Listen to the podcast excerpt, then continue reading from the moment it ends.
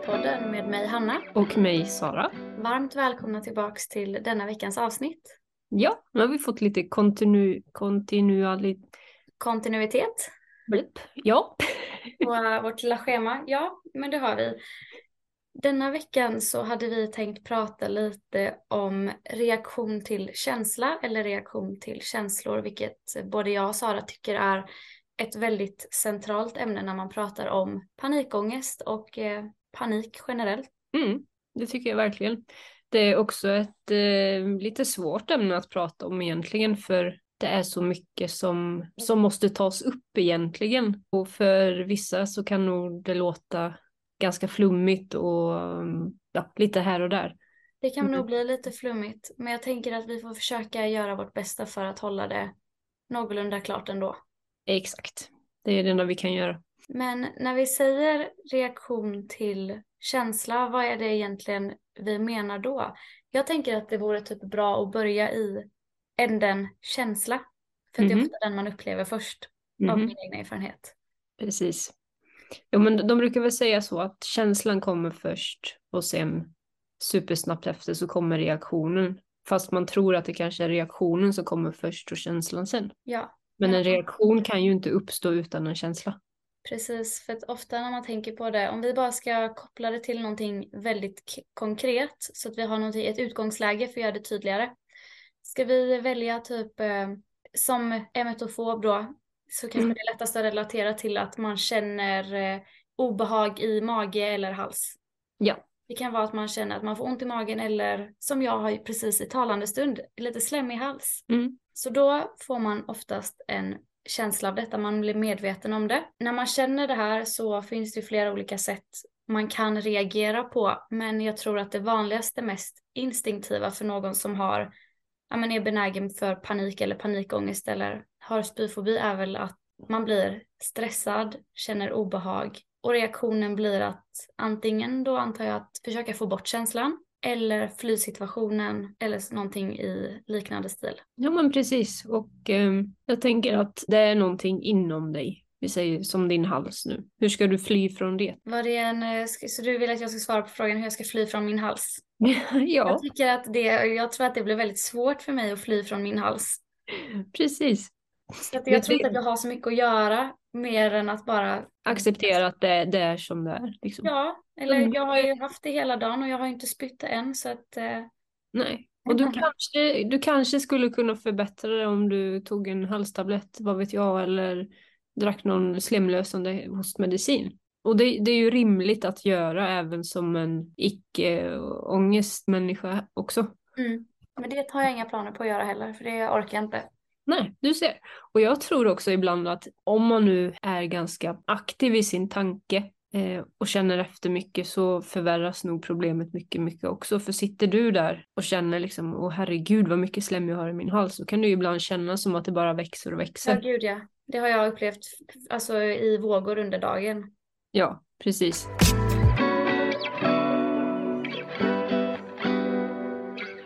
På tal om min slemmiga hals då så vill jag bara koppla detta till ett väldigt eh, verklighetsbaserat exempel som hände mig idag och det är att min nya grej som ångesten har börjat göra när, när den vill kicka igång rejält det är att jag har börjat få tillbaks eh, mitt illamående, alltså fake illamående varje gång jag ska gå utanför dörren. Mm. Och jag blir jätteslemmig i halsen för att tydligen så tycker jag att det är obehagligt och då är det det min ångest hänger fast vid. Mm. Mm. Så att jag eh, skulle vara i skolan idag mellan 10 till 3. Det var, vi har bestämt det i vår grupp och vi ska sitta hela dagen i ett litet grupprum och jobba och det har vi gjort. Och under dagen så har jag haft slem i halsen hela tiden för det är ju som sagt min nya ångestgrej.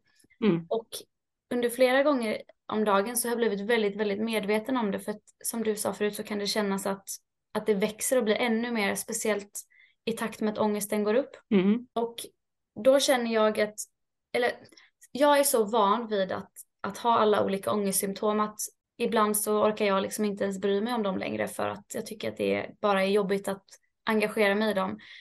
Men då tänker jag, för min del så finns det två vägskäl jag skulle kunna göra. Jag skulle antingen kunna ta flyktsidan, alltså min reaktion till känslan då är antingen att jag kan fly från den, till exempel då dricka vatten, ta en halstablett, Eller säga till min grupp, ja jag måste gå hem för att jag har panikkänsla för det är det den känslan skapar i mig. Den skapar en panikreaktion. Mm. Eller så kan jag liksom så här, även nu när jag sitter här och pratar så tycker jag att det känns jätte, jätteobehagligt i min hals. Alltså jag, jag är inte i en bekväm, jag, jag är inte bekväm nu i alla fall. Men jag kan också välja att jag har en känsla, men jag ger det inte mer reaktion än vad jag behöver. Nej. Min reaktion är att jag noterar det och ja, jag kan väl ha lite med, medlidande till mig själv att jag tycker att det är jobbigt att ha slem i halsen men, men jag väljer inte att spä på det eller reagera på det. För då vet jag att jag kommer få panik och inte kunna släppa det. Men exakt, och du sitter ju ändå kvar här och pratar med mig och jag ser ju dig.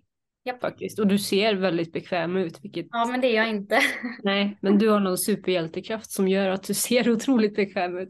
Ja det är lite mentaliteten fake it till you make it. Exakt. Det, den där fasaden är bra ibland. Ja. Men eh, jag menar, du kunde likväl ha sagt så här att nej Sara, vi får bryta här. Ja. Men ingenting hade ju blivit bättre av det, för nästa gång vi hade sett så hade det kanske varit likadant igen. Antagligen. Och jag tänker att eh, just den här reaktionen till vad som händer i en själv, bara sitt med den. För det hjälper inte om man springer. Det hjälper inte om man börjar spela på en mobil eller vad som helst. Ja, det, det kanske känns som att det hjälper, men det fördröjer ju egentligen bara problemet så att säga. En sak som jag tror är viktigt att påminna sig själv om är att när du vill springa från känslan som du upplever så kan du springa hur snabbt och hur långt som helst men du kommer aldrig kunna springa ifrån dig själv för att känslan är i dig. Mm. Och ja, men som jag, ska jag springa iväg utan min hals? Det kommer inte gå. Alltså om jag springer, min hals kommer liksom följa med. Jag vet att det är ett jättedumt exempel men det är precis så det funkar. Du kan inte springa från en känsla. Nej. För att känslan är med dig. Men hur du väljer att reagera på känslan är det som kommer avgöra hur känslan förändras. Exakt. Av min erfarenhet i alla fall. Ja men exakt. Och, och för att göra det lite tydligare eller vad man ska säga, lite mindre flummigt. Jag menar, tänk att du, du får en räkning på 100 kronor som du kanske drar dig för att betala. Du eh, lägger undan den, du väntar lite. Hoppsan, du fick en påminnelse. Du försöker ignorera den. Påminnelsen försvinner inte. Du kommer till en kasso. Ja, det ignorerar du också. Men sen, du kommer till Kronofogden. Där kan du egentligen inte ignorera det längre, men väljer du att ignorera det så kommer den här skulden växa och växa och växa och sen har du ett, ett jättestort problem. För det förstör ju ganska mycket om du får betalningsanmärkningar och så vidare och så vidare. Så ta tag i den där lilla, lilla räkningen på 100 kronor i början så växer inte problemet. Det är typ som man får göra med ångest och, och känslor. Jag tyckte också. att det var ett jättebra, jättetydligt exempel. Ja, för liksom börja jobba när det är litet istället för att låta det springa iväg till en stor sak. Mm. För när det är så stort så är det jättesvårt att komma tillbaka. Mm. Även fastän det kanske känns, för du sa börja när det är litet, men någonting som är väldigt litet kan kännas väldigt stort vill jag bara poängtera också. Och jag vet att du Absolut. menade det. Absolut. Men för det jag tänker är att när jag började ha ångest också då eh, och jag kände att jag inte kunde gå utanför dörren och Mm. sen när jag kände att det började bli jobbigt då var det jättestort för mig. Mm, mm. Men little did I know att det kunde bli värre. Det Ja, jag menar är att, att man kan falla så djupt så att som du säger är det bättre att så här, börja i tid och göra det jobbiga nu för att dig själv om ett år kommer tacka dig för att du började. absolut. Och jag menar, om jag får ta mig själv som ett exempel. Jag, innan jag hamnade i den, i den här situationen som jag är i nu, när jag inte ens kan gå utanför dörren och gå till postlådan utan att få panik. Förra veckan gick jag till postlådan, ja. Och tänkte på dig hela tiden som åker buss i Göteborg runt runt. Men innan den här situationen så, jag menar, jag var jättespontan, jag kunde åka bil vart jag ville. Vi, jag och min man, vi bilade till Kroatien och Tjeckien. Och nu, ja, vart kan jag åka? Ingenstans. På grund av en jävla panikattack i bilen. Och hade jag inte blivit så rädd då så hade det sett helt annorlunda ut. Men jag blev ju verkligen livrädd och vägrade. Jag tänkte nej, bilen är min värsta fiende. Men väntar jag lite så kanske det går över. Men nej, det blev bara värre. Nej. Men jag tänker att, att problemet där kanske inte var känslan att du blev livrädd. Problemet som du själv sa var reaktionen till att du blev livrädd. Att Ja. du istället började undvika. Ja. För jag satt i samma båt med att först gymmet, sen Mm. affären och sen hissen ner till entrén. Exakt. Så att det här med reaktion till sina känslor, i, i viss mån, jag fattar att det här inte kommer vara kul att höra och jag fattar att det kan låta dumt men jag ska försöka förklara mig. Det är att egentligen det enda vi kan styra är vår reaktion till någonting. Mm. Det är väldigt, väldigt få saker i livet som vi kan kontrollera överhuvudtaget. Jag kommer ihåg hos min första psykolog så sa han, ja Hanna nu vill jag att du eh, säger alla saker du tänker att du kan kontrollera. Så ska jag skriva dem på tavlan om du kan kontrollera dem. Mm. Och jag var ju på att direkt med att jag kan kontrollera hur jag blinkar. Han bara, men kan du verkligen det när du sover då? Jag var såhär, nej, nej det kan jag inte. Jag kan kontrollera hur jag andas. Men kan du göra det när du sover också? Mm. Nej, det kan jag inte. Jag kan inte kontrollera om det ska träffa en asteroid i mitt huvud imorgon heller. Alltså, om man ska sätta det i väl, verkligen de mest absurda sammanhangen. Men det han sa att man alltid kan kontrollera, det är sin reaktion till någonting. Du kan inte kontrollera känslan, Nej. men du kan kontrollera reaktionen. Om någon gör dig arg eller om du på något sätt känner ilska, du kan välja att agera på det eller så kan du samla dig och välja din reaktion till att inte agera på det. Men Det exakt. är lite samma sak med ångest fastän det känns jobbigare, vilket det såklart är för att du går emot dina egna instinkter. Mm. Det- går att styra reaktionen till känslan. Jag är ett levande bevis på det. Men precis. precis. Och många fler också. Ja, men du, du framförallt har ju kommit så himla långt och vi har ju sett dina framsteg i gruppen också. Och sen tror jag också på att man ska inte förminska ångesten, det, kanske är fel, men att typ se den som att den är något litet eh, fluffigt, gulligt. Ja, inte göra mer. den större och läskigare än vad den behöver vara. Nej, ge den ett namn, Mimmi eller vad som helst, alltså som gör den till en vän istället för en fiende på något vis. Det är jättesvårt, ja, men jag har gett min ångest namn och ibland så känns det bara fjantigt och då kan jag faktiskt skratta åt den också. Mm. Ehm, så det, det kan ju hjälpa för en del. Verkligen.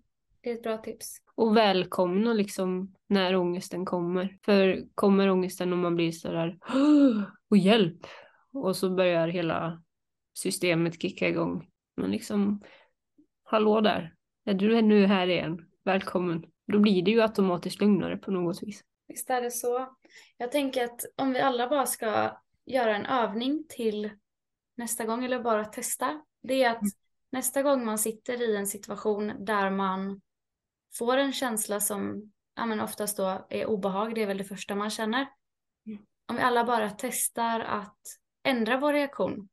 Alltså att göra det, jag kan inte svara på hur ni ska göra för det kommer ni behöva hitta en egen väg för.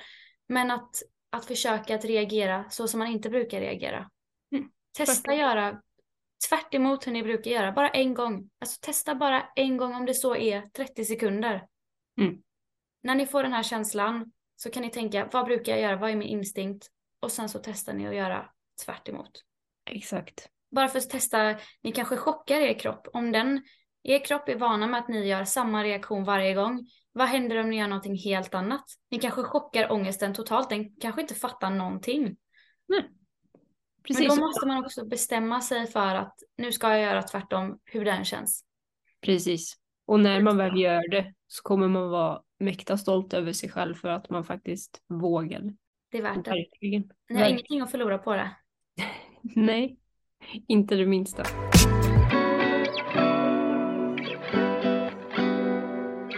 Ska vi prata lite om eh, exponeringar och även där reaktion till känsla? Mm. Jag tycker att det är en väldigt central del i just exponeringar. Absolut. Där är ju du experten också för du har gjort så pass mycket exponering. Ja, jag är inte expert men jag skulle säga att jag börjar få, jag börjar få greppet om det nu. Ja. Det tog sin lilla tid. Men i exponeringar så är ju verkligen känsla och reaktion typ det mest centrala skulle jag säga för att när du gör Mm. någonting du inte vill göra. För min del, jag kommer alltid använda matbutik som mitt Mm. prime exempel liksom. Mm. När jag gick i matbutiken så fick jag alla känslor av obehag man kan ha typ. Mm. Men det var inte förrän jag ändrade min reaktion och testade göra faktiskt tvärtom mot vad jag brukar göra som, som jag liksom disarmade ångesten lite.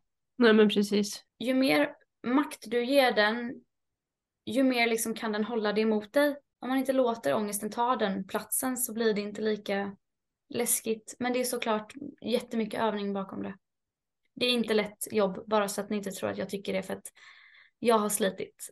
Nej men det, det ska inte vara lätt heller. Det får inte gå för lätt, säger jag. För om det skulle gå lätt, ja ja, vad har man lärt sig då? Ingenting egentligen. Nej.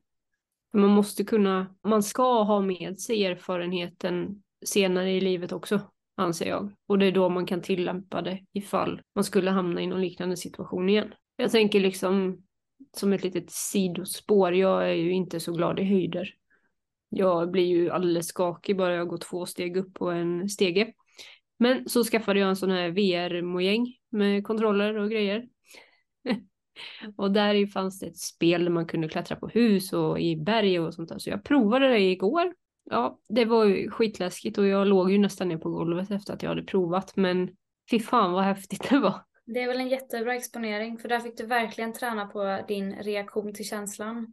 Exakt, och jag visste ju liksom att tittar jag ner, ja, det kommer vara jättehögt och det kommer vara skitläskigt, men fokuserar jag framåt och, och gör det jag ska så kommer jag komma upp också. Tappar jag greppet då, då, då faller jag ju, men mm. det gjorde jag ju inte. Men bara det här liksom att, att se någonting eh, istället för att föreställa sig ibland, eh, det är ju mycket, mycket bättre.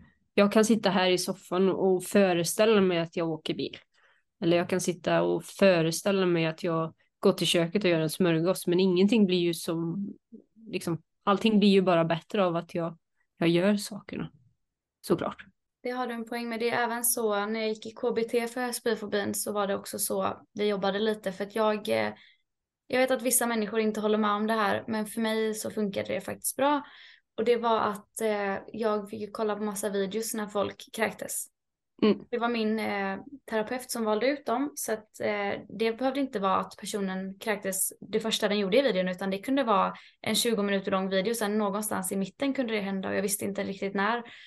Men det jag menar är att där var det också som du säger att jag fick faktiskt se någonting istället för att föreställa mig det.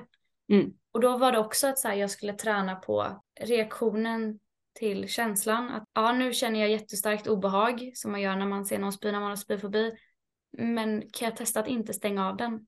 Eller mm. kan jag testa att inte börja så här, alltså sitta och fidgeta med händerna eller bara, alltså rymma från det. Kan jag testa att sitta? Min reaktion då skulle vara att bara sitta. Ja, det känns fruktansvärt i hela mig, men, men vad händer om jag bara, om min reaktion är lugn och stilla? Mm, precis, precis. Och för mig skulle, det.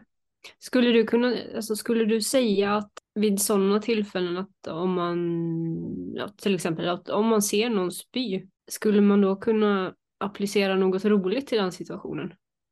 Eh, alltså att personen kanske låter som en eh, elefant när den spyr eller eh, någonting sånt där. Säkert. Alltså, jag är inte eller... så bra på visualisering i Nej, men... stor allmänhet. Nej, men jag, jag tänker liksom att ja, men personen låter som en elefant eller en giraff eller en, en, en katt när de spyr. För situationen blir lite lättare och det kanske får en att känna sig lite mer tillfreds i mm. själva situationen. Skulle du säga att det är en rätt sak att göra eller en fel sak att göra och att man bara ska sitta och titta och lyssna på situationen som den är? Hänger du med? Jag vet inte. Alltså det är jättesvårt men för min del, nu pratar jag bara för mig, jag, jag, jag lägger mm. ingen värdering i vad som är rätt och fel, för jag är inte utbildad inom det. Men för min del så väljer jag att inte göra så, för att jag ser inte hur det ska, eller i början kanske det kan vara hjälpsamt om det är det enda sättet, men då tycker jag snarare att man kanske ska göra lättare exponeringar, alltså kanske mm. inte människor som kräks utan kanske seriefigurer.